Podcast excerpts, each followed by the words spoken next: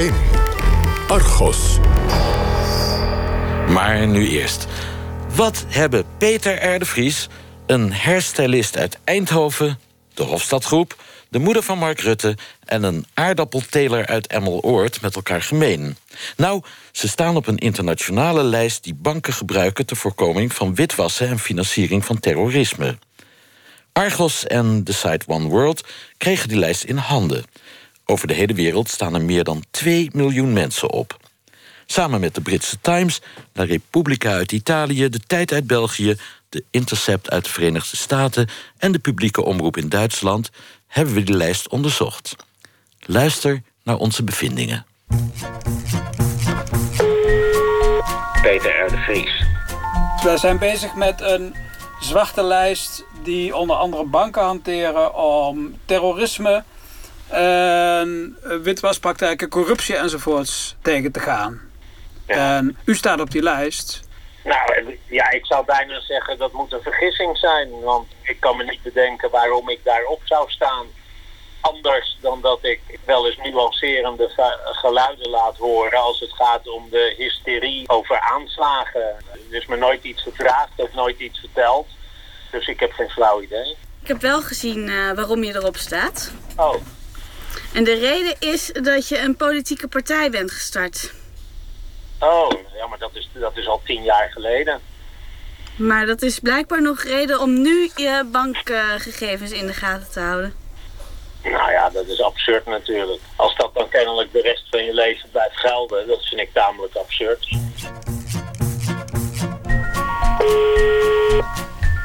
Valerie Geersing. Um, ik bel u omdat u uh, op een lijst staat van mensen die in de gaten moeten worden gehouden door de banken vanwege um, uh, financiering van terrorisme en witwassen. Er staat op dat u iets in de agrosector doet, klopt dat? Dat klopt, ja. Ik zit in de handel van aardappelpoten. Nee, dat lijkt me niet echt een reden dan om te denken dat u uh, betrokken bent bij de financiering van terrorisme, toch?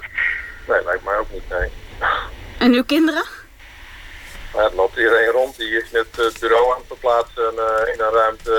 Uh, en dat lijkt me niet echt een terroristische activiteit. Wat, wat vindt u ervan dat u op zo'n lijst staat? En dat banken die kunnen inzien en dat dus betekent dat uh, ja, alles wat u doet qua financiering, dat dat uh, ook extra in de gaten gehouden wordt? Ik vind het ronduit belachelijk. Uh, ja. Ik ben elf jaar lid geweest van Provinciale Staten in Flevoland. Misschien is dat van Um, goeiedag, meneer Rayon. Gesprek met meneer Nettenbreiers. Ja, spreek je mee.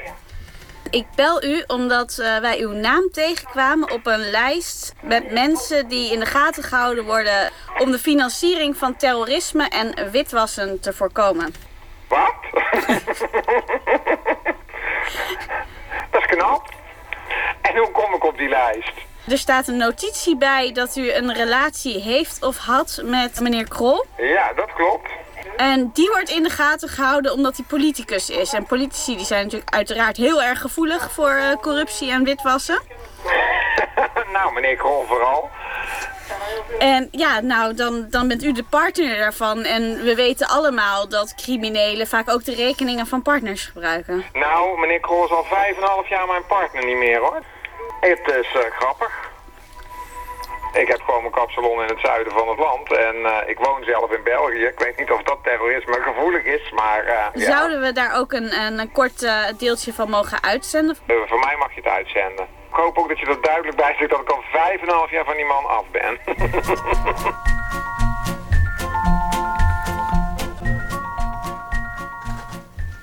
Ja, overduidelijk een risico voor de samenleving, deze mensen. En ze staan dus op de lijst World Check. Aan tafel Sanne Terlingen van One World en Evelien Lubbers. Samen hebben ze met al die buitenlandse media de lijst onderzocht. Sanne, waar is die lijst in hemelsnaam voor bedoeld? Ja, dat is zodat uh, banken en overheidsinstanties kunnen inschatten of mensen die klant bij hen willen worden of met wie ze te maken hebben, of die een verborgen risico vormen. Omdat ze misschien te maken kunnen hebben met corruptie of een link hebben met financiering voor terrorisme. En dan kunnen ze dus checken inderdaad of iemand erin staat. En hoe zijn jullie erachter gekomen dat bijvoorbeeld Peter R. de Vries en de ex van Henk Krol op die lijst staan? Nee, er staan 2,2 miljoen mensen ongeveer in. En dan voor Nederland uh, 12.000 hits. En die hebben gewoon allemaal handmatig doorgelopen. Kijken of we namen herkenden. En ja, je hebt verschillende categorieën. PEPs, Politically Exposed. PEPs, Politically Exposed Persons. Dus mensen die uh, in de politiek zitten of eraan gelieerd zijn. En uh, je hebt ook nog echt categorieën zoals crime en terrorisme. Evelien, ik neem aan dat die lijst niet openbaar is. Nee, het is een database van uh, Thomas uh, Reuters. Het is een groot, groot, internationaal mediaconcern. Die heeft 50.000 werknemers over de hele wereld. En die verkopen abonnementen uh, van WorldCheck aan allerlei grote klanten. Ze claimen dat 49 van de 50 grote banken abonnement hebben. Kost nogal wat, kan tot een miljoen euro per jaar oplopen. Uh, maar het zijn niet alleen banken, het zijn ook overheidsdiensten, politie, Europol. Uh, er zijn allerlei mensen die daar gebruik van maken. En Argos had wat geld over of geld van uit een potje van de NPO gekregen en, en kon een abonnementje nemen? Nee, zo was het niet. Uh, een van die cliënten van WorldSec had een beveiligingslek. Die heeft de hele database van 2 miljoen of meer online laten staan per ongeluk. En een online security onderzoeker, Chris Vickery, heeft het gevonden. Heeft dat netjes gemeld. En uh, heeft dat toen ter beschikking gesteld aan onderzoeksjournalisten die er echt wat uh, mee wilden doen. Op voorwaarde dat we die lijst niet openbaar maken. En ik heb een internationaal team samengesteld met steun van het Journalism Fund. Uh, en wij hebben ieder, ieder team heeft naar mensen die in hun land voorkwamen gekeken. En we zijn allemaal vandaag naar buiten gekomen met ons onderzoek. Ja, dan kom je in Nederland al gauw uit op Albert Verlinde. Nou, daarover straks meer over die namen. Maar even terug naar WorldCheck, Sanne. Eh, wie, wie komt er op het idee om zo'n lijst aan te leggen? Ja, het is begonnen eigenlijk um, als een commerciële database... omdat uh, allerlei banken sanctielijsten of sancties moesten opleggen... of niet betalingen mochten doen aan mensen die op mijn sanctielijst stonden. En na, na 9-11 werden dat er een hele hoop, meer dan 200. Dus toen zijn ze al die lijsten samen in één lijst gaan zetten als een soort service, dat is handig. En toen dachten ze, nou, als anderen dat ook gaan doen... dan bieden wij nog meer service aan. Dan zetten we ook allerlei andere mensen erop. De grote banken gebruiken WorldCheck, ook in Nederland. Daarom zijn jullie ook te raden gegaan bij de Nederlandse Vereniging van Banken... de brancheorganisatie, namelijk bij hoofdafdeling Veiligheidszaken... Yvonne Willemsen.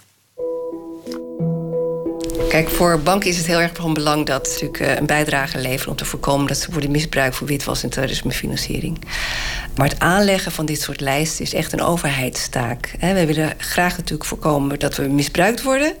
En dat is ook een maatschappelijke taak en ook een eigen belang. Want je wil ook gewoon dat je integriteit van je eigen systeem goed blijft. En je wil ook als bank niet geassocieerd worden. Op het moment dat je de verplichting krijgt om mensen te identificeren, zul je denk ik als overheid wel moeten aangeven om wie het gaat. Yvonne Willemsen, hoofd veiligheidszaken van de Nederlandse Vereniging van Banken. Ze vindt het onterecht dat de overheid tegen banken zegt dat ze moeten letten op de bankrekening van bepaalde personen, maar er niet bij vertelt wie die personen zijn. Dat moeten de banken zelf maar uitzoeken. Sinds 1994 zijn de banken in Nederland wettelijk verplicht om opvallende transacties te melden. En de regelgeving is sindsdien alleen maar verscherpt. Ook internationaal worden ze steeds aangescherpt. Afhankelijk natuurlijk van het risico. In het begin was het heel erg contant gedreven. En ging het over het witwassen van drugsgeld. Drugsgeld was natuurlijk vaak cash en dat werd afgestort bij kantoren. Dat grote eh, zakken met geld afgestort werden en dat moest dan gemeld worden. En met name sinds de aanslagen in Amerika, 9-11, zie je dus dat ook eh, terrorismefinanciering binnen het bereik van deze meldplicht is gekomen. En zo zie je het steeds meer verleiden, bijvoorbeeld ook belastingdelicten vallen eronder. Dus we hebben nu een soort van all crime approach. Dus eigenlijk alle vormen van grote georganiseerde criminaliteit... die vallen onder de term witwassen. Banken die niet alert zijn op ongewenste transacties... worden op de vingers getikt. Vooral als er een sanctiewet wordt overtreden... kunnen banken op forse boetes rekenen. Bank Paribas bijvoorbeeld, die heeft 9 miljard dollar boete gekregen... wegens overtreding van de sanctiewet. ING heeft 690 miljoen euro boete gekregen wegens overtreding van de sanctiewet. Het is niet te doen voor een bank om zelf een lijst met risicopersonen samen te stellen. Daarom nemen ze een abonnement op een database. WorldCheck is de grootste. Daar werken volgens Willemsen vrijwel alle grote banken mee. Als WorldCheck een bepaalde klant als terrorist of mogelijke terrorist kenmerkt, dan gaan bij een bank alle alarmbellen af. Kijk, op het moment dat er inderdaad zo'n hit komt van WorldCheck en hij staat erop, dan zullen ze toch wel vaker better safe dan sorry. Als er geen contrabewijs is dat het geen goede is, zullen ze daar wel vanaf gaan. Zeker als je het over terrorismefinanciering hebt. Onze toezichthouder kijkt heel erg goed hoe wij onze risico's hebben ingeschat. En dan moet ik een heel goed verhaal hebben, wil ik een betaling wel door laten gaan aan iemand die op een WorldCheck-lijst staat, waarvan ik achteraf zeg van nou, moet toch kunnen. Met het risico dat ik dan behoorlijk op de vingers word getikt, zowel financieel als uh, moreel. En de banken moeten ook letten op transacties die duiden op omkoping. Corruptie is ook een intrinsiek onderdeel van kijken naar je risico-indicatie. Zijn er bepaalde personen die daar meer vatbaar voor zijn? En dat is destijds ook de reden geweest om met de term PEP te komen. PEP staat voor Politically Exposed Persons. En dat zijn eigenlijk mensen die vanuit hun politieke functie meer gevoelig zouden zijn voor corruptie of een hoger risico zouden vormen. En wat je gezien hebt door de tijd heen, is eigenlijk dat waar de term oorspronkelijk was bedoeld voor de kleptocraten van bepaalde landen die grote hoeveelheden geld het land uitsluisten en op buitenlandse rekening zetten, is die term gewoon verleier tot eigenlijk iedereen die een politieke functie heeft ongeacht het land waar je woont, ongeacht de functie. Dus alle parlementariërs, alle mensen die werken voor rechtbanken, mensen die werken voor de centrale bank. Al dat soort mensen, die worden nu al als een hoger risico op corruptie gezien. En hier schieten de maatregelen hun doel voorbij. Pep is dus niet alleen de persoon, maar ook zijn familieleden. Dus de dochters, eh, de zonen, de vrouwen, uh, iedereen. Vandaar dat je dan ziet, nou ja, dan zetten we die er ook allemaal op. Alleen het resultaat is wel dat je iedereen op zo'n lijst gaat zetten. De impact is natuurlijk best heel erg groot. Want 99,99% van de mensen die eigenlijk op die lijsten staat, is geen echt risico. Maar het is een, een politieke afweging geweest, zeg maar, om toch dit op deze manier in te vullen. Waarom worden die lijsten alleen samengesteld door commerciële partijen als WorldCheck? Ja, dat is inderdaad heel jammer. Want ik denk als de overheid ook zo'n geautoriseerde lijst had gemaakt... dan hadden ze ook veel meer voor de kwaliteit van de lijst kunnen instaan. En nu laat je het dus eigenlijk eh, aan de markt over. En ja, die komt dan met een lijst. En wij kunnen niet anders als financiële instellingen... wij moeten wel dit soort lijsten gaan gebruiken omdat je het niet zelf kan bijhouden. Je kunt niet wereldwijd zelf ook allemaal bijhouden... wie de zus is van een Kamerlid in Uruguay, bij wijze van spreken. Dat wordt wel een hele lastige opgave. Terwijl waarschijnlijk als je die verplichting had neergelegd... bij alle staten zelf om dat actueel te houden en dat aan te leveren... had je natuurlijk een heel groot register gehad... wat wel gewoon heel betrouwbaar was geweest.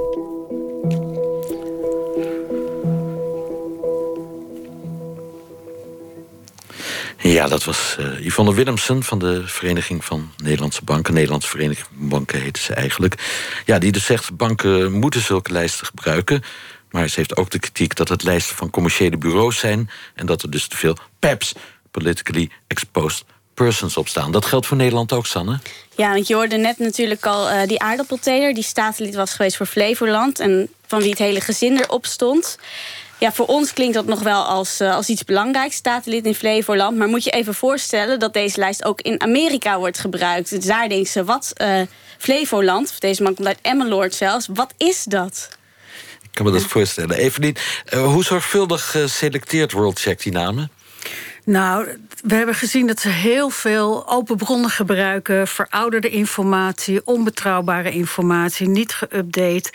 En uh, wat die kinderen betreft, we zagen dat er op één dag iemand allerlei kinderen van politici heeft zitten invoeren. En de bron was dan de website baby's van bekende Nederlanders en Vlamingen.nl. Ja, dat is wel een van mijn lievelingssites.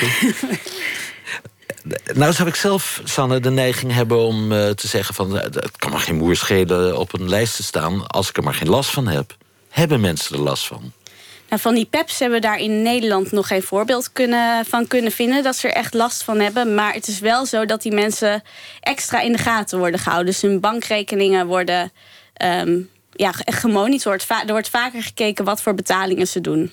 Evelien, wie staan er nog meer op de lijst in Nederland? Ehm, nou, de moeder van uh, Mark Rutte bijvoorbeeld. Ook zijn vader, terwijl die al in 1988 is overleden. Met de bron erbij parlement.nl, waar keurig vermeld staat dat die vader is overleden. Uh, de prins, alle prinsesjes staan erop, uh, hoe jong ook. En dan zijn er ook nog allerlei hulporganisaties, zoals uh, Artsen zonder Grenzen, Human Rights Watch, Amnesty, Greenpeace. Ook heel verdachte organisaties. Sanne, hoe zijn Albert Verlinde en Guus Hiddink op die lijst terechtgekomen? Nou ja, Albert Verlinde als uh, partner van uh, toen nog van uh, de burgemeester van Maastricht, Onno Hoes. En ja, Guus Hiddink die staat dus niet als PEP vermeld, zoals al die anderen die we net hebben gehoord. Maar die staat vermeld als crimineel, omdat hij belasting had ontweken. Hij is een voetbaltrainer. ja, maar hij heeft ook een probleempje gehad met de Belastingdienst. En is daarvoor veroordeeld. Dus ja, daarom staat hij tussen die criminelen. Evelien, nou wil ik toch weten, sta ik er ook op? Ik ben bang van niet, Max. Daar ben je niet belangrijk genoeg voor, vrees ik. Was ik al bang voor. Dan zou ik het ook helemaal niet leuk vinden om op die lijst te staan. Want ja, je staat dan wel als uh, bekende Nederlander of semi-bekende Nederlander... of ex van een bekende Nederlander tussen de criminelen en terroristen, Sanne. Ja, ja, dat is zo. Ja, we hebben ook een, een aantal mensen gebeld die uh, wel op die uh, lijst staan, maar echt als crimineel en als terrorist. En ja, sommigen staan daar terecht op. Hè. Denk even aan uh, Willem Holleder, een andere persoon uit het liquidatieproces. Maar nou ja, we hebben een aantal van die personen gebeld. We gaan even luisteren.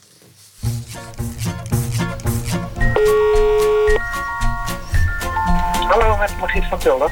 Wij zijn bezig met een zwarte lijst die banken hanteren om financiering van terrorisme, maar ook allerlei andere ongewenste financiële transacties tegen te gaan. En ja.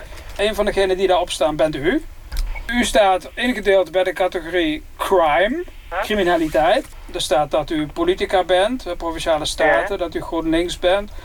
U zou beschuldigd zijn van financiële steun voor iets waar je persoonlijk bij betrokken bent. En er staat bij dat u daarvoor veroordeeld zou zijn ook.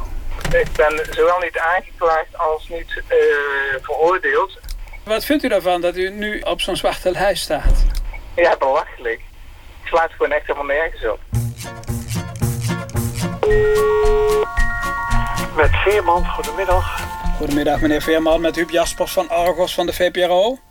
Um, ik bel u nu omdat u op een lijst staat, een zwarte lijst. Die, is, lijst? die is opgesteld om de financiering van terrorisme tegen te gaan en in de gaten te houden dat er geen ongewenste financiële transacties, witwaspraktijken of corruptie plaatsvinden. Okay. Dat is een lijst, daar staan heel veel namen op en u staat er ook op. Nou, dat hoor ik voor het eerst. Heeft u enig idee waarom u daarop staat? Nee, totaal niet. Nee. Misschien uh, kan ik een klein beetje helpen, daar staat niet veel ja, bij. Maar. Er staat bij technical photographer. Ja, klopt, ja. Dat was u, ja? Ja, was ik, ja. En dan shared office with Kaan. Ja, klopt ook, ja. Kennelijk heeft men het vermoeden dat u banden met meneer Kaan heeft, waardoor ze u in de gaten moeten houden. In Maar- de jaren 76, dat is al een hele tijd geleden. Ja. En, en is dat niet raar? En op zich is dat vreemd, ja. Want wat was uw rol in die affaire Kaan? Ik heb ontdekt dat uh, meneer Kaan aan het spioneren geweest is met goedkeuring van VMF en de, en de Nederlandse overheid. En dat heeft u in de tijd juist gemeld. Ja, en toen heeft de overheid me in de gevangenis gestopt. En is uw naam nu gezuiverd? En daar zijn we nog heel hard mee aan het werk, meneer. Om mijn naam te zuiveren en eventueel de schadevergoeding boven tafel te krijgen. Er staat ook nog bij een bron vermeld, hè, bij die informatie die ik u net voorlas, wat erin Ja. stond. Als bron staat er atoomspionage. Ja, dat klopt, ja. Daar heb ik een, heb ik een website van. Ja. En ik heb een boek over geschreven, er is een film Dus van. eh, de informatie van uw eigen website, die wordt nu eigenlijk tegen u gebruikt. Ja, nou dat mag. Ja, nou ja, ja, ja. Ja, het is vrije nieuwsgaring, hè. Dan mag iedereen een kwalificatie aan geven die ze zelf willen. Ja. Of het realistisch is, is weer wat anders. Hallo, Sonny. Hi, je spreekt met Sanne Terlingen van Wanworld en Argos. Oh, okay. Hi. Hi. Hi. Yeah, sorry. I speak English don't. Do you understand Dutch and you answer in English? Yeah, if I don't understand, I'll let you know. Oké, ik ben bezig met een onderzoek naar een eh, lijst ter voorkoming van witwassen en de financiering van terrorisme. okay. En jouw naam staat erop. Oh, really? Yes. Oh, wow. Ik Ja. zal je voorlezen eh, wat Mhm. er over jou op die lijst staat. Mm-hmm. Suspected links to terrorism in the Niger Delta. Detained in 2011. Yeah. September 2011, reportedly on trial for conspiring to bomb an oil pipe and frauds. Oh, wow. this is shocking. Dat dacht ik al, dat je dat zou vinden. Ja, want jij bent vrijgesproken, toch? Yeah, yeah, of course, course. I have all the documents, I have all the papers. Er is ehm, nog iets dat ik je wil vragen. Heb jij wel eens last gehad met je bankrekening? I had a problem with uh, ABN AMRO some time ago, and then I closed the account completely. They were always putting a nose on any any kind of transaction on the account. You know what I Dus mean? je So zegt they- elke keer dat jij een overmaking deed, dan vroegen Ja. ze jou meer informatie. Yeah, yeah. And then they seize the money. They seize the money. They don't allow the money to come into the account. Took almost three months. Dus je zegt nu, iemand wilde geld naar mij overmaken en dat hebben ze drie maanden bevroren. Yeah, yeah. Then they, they that was for ABN AMRO. En wie Eh, wilde en- toen geld naar jou overmaken? Uh, friend, friend. I needed to pay something for him. Een terrorist. No, no, no.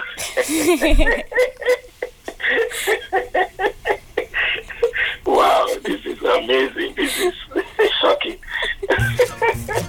Oh, okay. Sonny Ovea die enigszins geschokt is. Ja, voorlopige conclusies, Sanne. Eh, in de categorie terroristen staan op die lijst nogal wat mensen die helemaal geen terrorist zijn. Ja, het is in Nederland gaat het echt om meer dan eh, eh, 300 mensen, geloof ik. Terwijl er minder op de sanctielijst staan van Nederland, of de officiële terrorisme-lijst. En Worldcheck gaat er ook echt prat op dat eh, nou ja, ze eigenlijk 75% meer hebben dan er op die terroristenlijst staat. Dus dan snap je meteen al dat er echt heel veel mensen op staan zonder veroordeling. En je hoort ons in dat geluidsfragmentje van net allemaal een beetje lachen. Maar al die mensen die hebben ons na afloop teruggebeld en gezegd van shit, we zijn hier toch wel heel erg van geschrokken. Hoe komen we hier af? Hoe kan dit? Want wat is bijvoorbeeld het verhaal van Sonny Ovea? Ja, hij is een eh, milieuactivist en eh, nou, hij heeft ook veel eh, vijanden om allerlei redenen. En op een gegeven moment is hij eh, verdacht, eh, ook door het OM, van het bombarderen van oliepijpleidingen in Nigeria. Maar dat bleek te zijn op basis van een onjuiste vertaling. En toen heeft het OM die aanklacht al in 2012 laten vallen. Evelien, En, ja, even, hoeveel, hoeveel mensen staan er op die lijst waarvan een al of niet suspect regime zegt... het zijn terroristen? Ehm, nou, getallen heb ik niet precies, maar je ziet wel dat een heleboel informatie op die lijst politiek is. Er staan bijvoorbeeld eh, mensen op die als, eh, als Tamil-tijgers terrorisme aangeduid worden. En als je dan kijkt waar de informatie vandaan komt, dan is dat van een website van de Sri Lankaanse overheid. Hetzelfde geldt eh, voor mensen die in de Gazastrook actief zijn. Heel veel informatie komt dan van Israël. Dus het is heel erg politiek gemotiveerd wie daarop staat. En het gaat zelfs een stap verder. We hebben ook naar Eritrea Sanne. gekeken, omdat we daar eh, veel onderzoek naar hebben gedaan. Wat je daar ziet is dat de president en zijn rechterhand, eh, die verdacht worden van eh, misdaad tegen de menselijkheid zelf, gewoon worden aangemerkt als politicus. Maar dat partijen die oppositie voeren, die zijn aangemerkt als terrorist op basis van Eritrese sites. En dan met als reden die wordt opgegeven, ja, ze willen het regime omverwerpen en een transitieregering installeren. Foei. We hoorden ook in het fragment de zaak van de klokkenluider... in de zaak van de Pakistanse atoomspion Khan... die dus ook op die lijst blijkt te staan. Eh, Evelien, hoe is hij daarop terechtgekomen? Nou, hij staat er niet op als klokkenluider. Hij werkte eh, al in 1976 samen met de atoomspion Kaan... die daar ook voor veroordeeld heeft. Ehm, het klinkt zoals er staat... hij was kamergenoot van Kaan eh, al- als compagnon... maar in werkelijkheid waarschuwde hij juist voor Kaan... en toch staat hij op deze lijst. Zijn er nog meer gekke voorbeelden? Ja, er is een Nederlander en die staat eh, als drugscrimineel op de lijst. En dat is omdat hij in Singapore betrapt is... eh, omdat hij twee ecstasy-pillen had genomen. Nou, moet je natuurlijk niet doen in Singapore. Je Nou, moet het er zelfs geen kauwgum op de grond Nee, maar het is wel iets anders dan wanneer je in de grote drugshandel zit... met de Italiaanse maffia. Nou komen er eh, vandaag Sanne, eh, namen naar buiten... van mensen die zonder dat te weten op die lijst van WorldCheck staan. Wat, wat moet je nou doen om je naam weer van die lijst afgehaald te krijgen? Nou, eerst moet je natuurlijk weten dat je erop staat. En dat is wel heel erg lastig, want het is de vraag... wie er ooit van WorldCheck hadden gehoord van vandaag voor vandaag. Maar als je ze mailt, en dat kan gewoon via hun website... dan moeten ze antwoord geven welke informatie ze over jou hebben. En doen ze dat dan ook? Uh, ik heb ze gemaild en ik kreeg meteen een mailtje terug uh, dat ik er niet op stond. Maar in Engeland heb je, heb je een voorbeeld van hoe moeilijk het is. Um, de Finsbury Park Mosque in Londen. Waar, die van de aanslag. Ja, net deze week weer in het nieuws. Die stonden ook op die lijst, terwijl ze juist al jaren proberen... Uh, een hele open moskee, een hele transparante moskee uh, te zijn... en terrorisme tegen te gaan. Hun rekeningen werden in 2014 plotseling bevroren... en ze hadden geen idee uh, waarom dat was... totdat ze erachter kwamen dat ze op de lijst van World, World Check stonden. Je bent naar Londen gegaan. Nou ja, je woont in Londen eigenlijk. Um, en je hebt gesproken daar met de advocaat van de Finsbury Park moskee. We gaan luisteren. We're not interested in the money. We're not interested in our egos. But we feel we've been very unfairly maligned. Farouk Bajwa is advocaat in Londen. Hij vertelt waar het zijn cliënt, de Finsbury Park moskee, om te doen was. Hun zaak tegen WorldCheck werd uiteindelijk geschikt. Het ging er niet om het geld, zegt hij. Het ging er ook niet om ego. Het ging erom dat ze op oneerlijke wijze werden beschuldigd en benadeeld. It has extremely serious consequences yeah, for companies yeah. and individuals. You can't yeah. function in the modern world without a mainstream bank account. Het begon ermee dat de bankrekeningen van de Finsbury Park moskee in Londen plotseling werden gesloten. Dat was in 2014. Ze hadden geen idee waarom. Al in 2005 heeft de moskee na een grondige reorganisatie alle contacten met jihadistische predikers radicaal verbroken. Door onderzoek van de BBC kwam aan het licht dat de moskee desondanks tien jaar later nog steeds onder de noemer terrorist in de database van WorldCheck stond. They feel particularly aggrieved yes. because they really tried to become a very open mosque, the opposite of what it was in fact. Het bestuur was verontwaardigd omdat ze echt een open moskee zijn geworden die midden in de maatschappij staat. In een arme wijk met veel migranten in het noorden van Londen. Een moskee die zich inzet voor de integratie. Advocaat Bajwa was er onlangs nog bij een discussie over discriminatie. Er was niet alleen iemand uit de moslimgemeenschap en een antiracisme-activist uitgenodigd. They had six speakers. They had a Jewish rabbi, they had a Church of England priest, and they had the National Union of Students gay equality speaker. Wow. Yeah. In a mosque. I mean, yeah. this would have been unimaginable. Er was ook een Joodse rabbijn, een priester van de Church of England en een vertegenwoordiger van de Nationale Studentenvakbond over homorechten. Bajwa vroeg WorldCheck om de gegevens over de moskee te corrigeren. Maar WorldCheck weigerde dat. Ze bleven de zaak eindeloos traineren. We gave them another chance and another chance. In the end we just issued a claim in the High yeah. Court. Pas nadat Bajwa de zaak voor de rechter bracht, boog WorldCheck. Ze gaven toe dat ze fout zaten. Om een rechtszaak te voorkomen stelden ze een schikking voor. Publiekelijke excuses en een schadevergoeding van 10.000 pond. I don't wish WorldCheck ill, but I want them to admit they've been wrong. And we want them to start cleaning up their act rapidly. Yeah. And start apologizing to victims. Farouk Batja hoorde u, de advocaat van de Finsbury Park Moskee in Londen. Evelien, ik heb begrepen dat zich inmiddels meer gedupeerden bij hem gemeld hebben. Hoe zit dat? Ja, dat was in, meteen al toen uh, met, samen met Finsbury Park... andere organisaties van wie de rekening was gesloten... Ges, uh, Finsbury Park Mosque was voor hem een testcase. Hij heeft nu, we kunnen, dat kunnen we hier onthullen twintig uh, klachten nog klaarstaan om in te dienen. Zijn dat ook moskeeën? Of? Zijn allerlei organisaties. Uh, ook en zakenmensen. Een daarvan is de Palestine Return Center. Die werkt in Gaza van de VN net met een hoop tegenwerking van Israël. Status heeft gekregen om daar te werken. En die hebben ook problemen. Die staan ook al op die lijst. Dit is Engeland. Uh, zijn er in andere landen ook al rechtszaken tegen WorldCheck gevoerd? Nog niet, maar we hebben reden aan te nemen... dat na deze golf van publicaties uh, in allerlei landen... er meer zaken gaan komen. De Belgische Moslimliga bijvoorbeeld heeft al aangekondigd... dat ze stappen gaan ondernemen. Sanne, er worden dus mensen, zover zijn we nu in het verhaal... ten onrecht in de gaten gehouden door de banken. Althans, staan op die lijst van WorldCheck.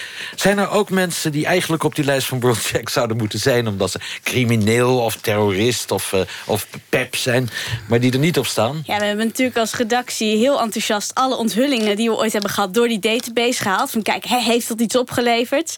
Nou, dan kwamen we dus achter dat zelfs iemand die is veroordeeld voor de grootste cocaïnezaak in Ghana ooit er gewoon niet op staat. En terroristen die hebben met hulp van een research desk Annelies Botjes door de database gehaald. En die worden gewoon pas toegevoegd nadat ze een aanslag hebben gepleegd. Ja, dan is het dus al te laat. Als ze al in de krant hebben gestaan. Ja. Nou ja, de lijst is dus niet compleet. Er staan mensen op die niet in de gaten gehouden zouden hoeven te worden door de banken, maar ook andersom. Nou vind ik wel, terrorisme is een hele serieuze dreiging. Denk maar aan de aanslagen in, uh, in, in Londen uh, van een paar weken geleden. Ja, ik denk dat ook veel luisteraars zullen denken... ja, waar gehakt wordt bij terrorismebestrijding van de Spaanders... als het uh, tegen aanslagen helpt, ja, dan maar wat uh, slordigheid. Ja, daarom waren we ook heel benieuwd of dit nou helpt tegen terrorisme, zo'n lijst. Of het, uh, of het aanslagen voorkomt. En uh, nou onze collega Huub Jaspers die is daarom naar terrorisme-expert Jelle van Buren gegaan van de Universiteit Leiden om die vraag te stellen het doorspelen van allerlei namen... die dan waarschijnlijk vooral in de media ooit gelinkt zijn aan uh, terrorisme. Uh, uh, en zeker als het ook om oudere data gaat. Het is maar helemaal de vraag wat de waarde is van die data... wat de betrouwbaarheid is van die data. Maar ook wat je er nu nog mee kan... en of het ook zinnig is om er nog iets mee te doen. Je kunt wel heel veel mensen op lijsten zetten... en dat kan gevolgen hebben bijvoorbeeld dat je een land niet meer binnen mag komen... of dat je bankrekening wordt geblokkeerd. Um, het is volstrekt onduidelijk in hoeverre dat nou echt heeft te maken... met effectieve terrorismebestrijding. Ja, als het erom gaat om aanslagen te voorkomen... als we kijken naar de aanslagen van de laatste twee, drie jaar... is het überhaupt nog wel effectief om dan te kijken naar financiële transacties? Je ziet dat de meeste aanslagen van de afgelopen jaren eigenlijk heel goedkoop zijn geweest. Er is nog steeds het idee dat een aanslag een enorme hoop geld kost. We hebben allemaal nog eigenlijk 9-11 een beetje in het achterhoofd. Dat was um, nog niet eens zo'n gek dure operatie... maar daar waren in ieder geval veel middelen voor nodig. Als je nu kijkt naar aanslagen met gehuurde vrachtwagens bijvoorbeeld... Um, uh, daarvoor hoef je niet eerst uh, uh, heel veel geld bij elkaar te halen. Dus het is maar de vraag hoe zinvol het is om nog steeds ervan uit te gaan... dat terroristische netwerken alleen kunnen functioneren... als ze enorme bakken met geld meebrengen. Jelle van Buren, terrorisme-expert in Leiden. We hoorden Yvonne Willemsen van de Nederlandse Vereniging van Banken zeggen... wij staan onder streng toezicht, althans onze leden staan onder streng toezicht... onder meer van de ne Nederlandse Bank. Maar uh, Sanne, wie houdt er eigenlijk toezicht op commerciële bureaus als WorldCheck? Ja, dat hebben we voorafgaand aan deze uitzending... eigenlijk aan verschillende hoogleraren gevraagd. En die waren daar helemaal niet duidelijk over. Die zeiden het is een grijs gebied... Um, ja, uh, Thomson Reuters heeft het Europese hoofdkantoor in Engeland. Dus daar zijn ze verantwoordelijk. Maar dan moeten we misschien, als die database in Nederland staat... kunnen we er toch wat mee. En ja, is dan WorldCheck verantwoordelijk? Of degene die de database uh, gebruiken? Ja, er is eigenlijk helemaal geen, reg geen regelgeving in Nederland en in Europa op het gebruik van deze commerciële database. En er is ook geen toezicht of ze goed worden bijgehouden, hoe de inzage geregeld is. Dus uh, we vroegen ons erg af of iemand zich daar überhaupt wel druk over maakt. En? Nou, we zijn naar de autoriteit persoonsgegevens geweest. De overheidsorganisatie die toezicht houdt op verwerking van allerlei privacygevoelige informatie. De voorzitter is uh, Aleid Wolsen. En die bleek gewoon nog nooit van WorldCheck gehoord te hebben toen wij bij hem kwamen. En hij wist ook echt niet zo goed wat hij ermee aan moest. Zullen we even luisteren naar jullie gesprek met Aleid Wolsen? De bank moet er transparant over zijn naar die klant waarmee je zaken doet. En het moet natuurlijk wel kloppen. Want als het niet klopt, dan heeft diezelfde klant er ook weer recht op om te zeggen: Dit van mij klopt niet. Ik wil dat u dat verwijdert of dat u dat aanpast, dat u dat verbetert. Vandaar dat die transparantie zo ontzettend belangrijk is. Want het komt helaas vaak voor dat klanten op basis van onjuiste informatie voor mensen nadelige beslissingen worden genomen. En je hebt er gewoon recht op om te weten wie of het nou de overheid is of een uh, privaat bedrijf, wat heeft deze instantie van mij? We hebben er op dit moment geen onderzoek naar gedaan. U attendeert ons daar nu een bijzonder op. Dus we gaan daar zeker bijzondere belangstelling voor ontwikkelen, dat kan ik u verklappen. Wij moeten precies weten wat er gebeurt. En wat gaat u nu doen? Ik ga uh, nog extra oplettend luisteren naar uw uitzending. Ik ben zeer geïnteresseerd in als er ergens bestanden zijn en daar klopt iets niet van. En mensen hebben er een nadeel van of hun grondrechten worden geschonden, dan treden we daar tegenop. Wij houden ons zeer aanbevolen van mensen die denken dat ze nadelige gevolgen hebben ondervonden van het feit dat er informatie over hen is gebruikt die niet klopt of die illegaal is verkregen, noem maar op, dat ze gediscrimineerd worden. Houden we ons zeer voor aanbevolen. Het gaat niet om kleine dingen. Het gaat om de grondrechten van mensen, fundamentele rechten. En als mensen daar twijfel over hebben of weten niet precies of dat goed gebeurt, ja of nee, meld je tot ons en wij gaan daar naar op zoek. En we helpen daar mensen bij. Wij staan pal voor de grondrechten van de burgers. En dat zei oud-rechter en oud-Tweede Kamerlid voor de PvdA... Aleid Wolfsen, tegenwoordig voorzitter van de Autoriteit Persoonsgegevens. Nou, hij wil dus dat mensen die zich gedupeerd voelen door WorldCheck... dat melden bij zijn autoriteit. Uh, wat, wat kun je nog meer doen, Evelien, als... Uh, als je denkt, mijn naam staat daar misschien op. Nou, het is natuurlijk moeilijk om erachter te komen. Ik ben een aardappelteler, ik noem maar iets als je problemen hebt gehad met je bank, met overmakingen naar het buitenland, of als je uh, je rekening gesloten wordt, je krijgt een hypotheek. Je, iedereen heeft het recht van de bank te horen wat die bank over hem of haar heeft. Vraag daar dus naar. Uh, als je denkt, als je aanleiding hebt om te denken dat je uh, bij WorldCheck in het uh, bestand zit, dan kun je naar hun website gaan en hun een mail sturen om te vragen of je daarin staat. En wat is een e-mailadres? Heb ik niet bij de hand, maar WorldCheck staat op de, de website staat een contactformulier. Sanne, een van mijn strenge vragen aan het eind van dit soort gesprekken aan verslaggevers van Argos en One World is altijd: hebben jullie wel hoor en wederhoor gepleegd? Hebben jullie Thomson Reuters benaderd? Ja, we hebben ze een hele uitgebreide mail gestuurd met alles wat we over hen zouden vermelden in de uitzending en ook een hele lijst vragen. En daar kregen we een uh, netjes antwoord op terug, maar dat was heel algemeen. Ze kunnen namelijk geen antwoord geven op de meeste vragen uh, vanwege privacywetgeving, uh, zeggen ze bijvoorbeeld. En ze beweren dat de database regelmatig wordt geactualiseerd. Maar ze geven bijvoorbeeld helemaal geen antwoord op de vraag of ze die database dan ook hebben aangepast nadat ze die rechtszaken tegen hen hadden gehad. En of er nu minder terroristen opstaan, of dat ze iemand minder snel als terrorist aanmerken. het volledige antwoord van Reuters, Thomson Reuters, zullen we nog op de website van Argos publiceren. En ja, iedereen kan ook terecht op de website van OneWorld. Daar hebben we ook nog een heel lang achtergrondverhaal over WorldCheck gepubliceerd. Mag ik jullie bedanken voor dit absurde verhaal. Evelien Lubbers en Sanne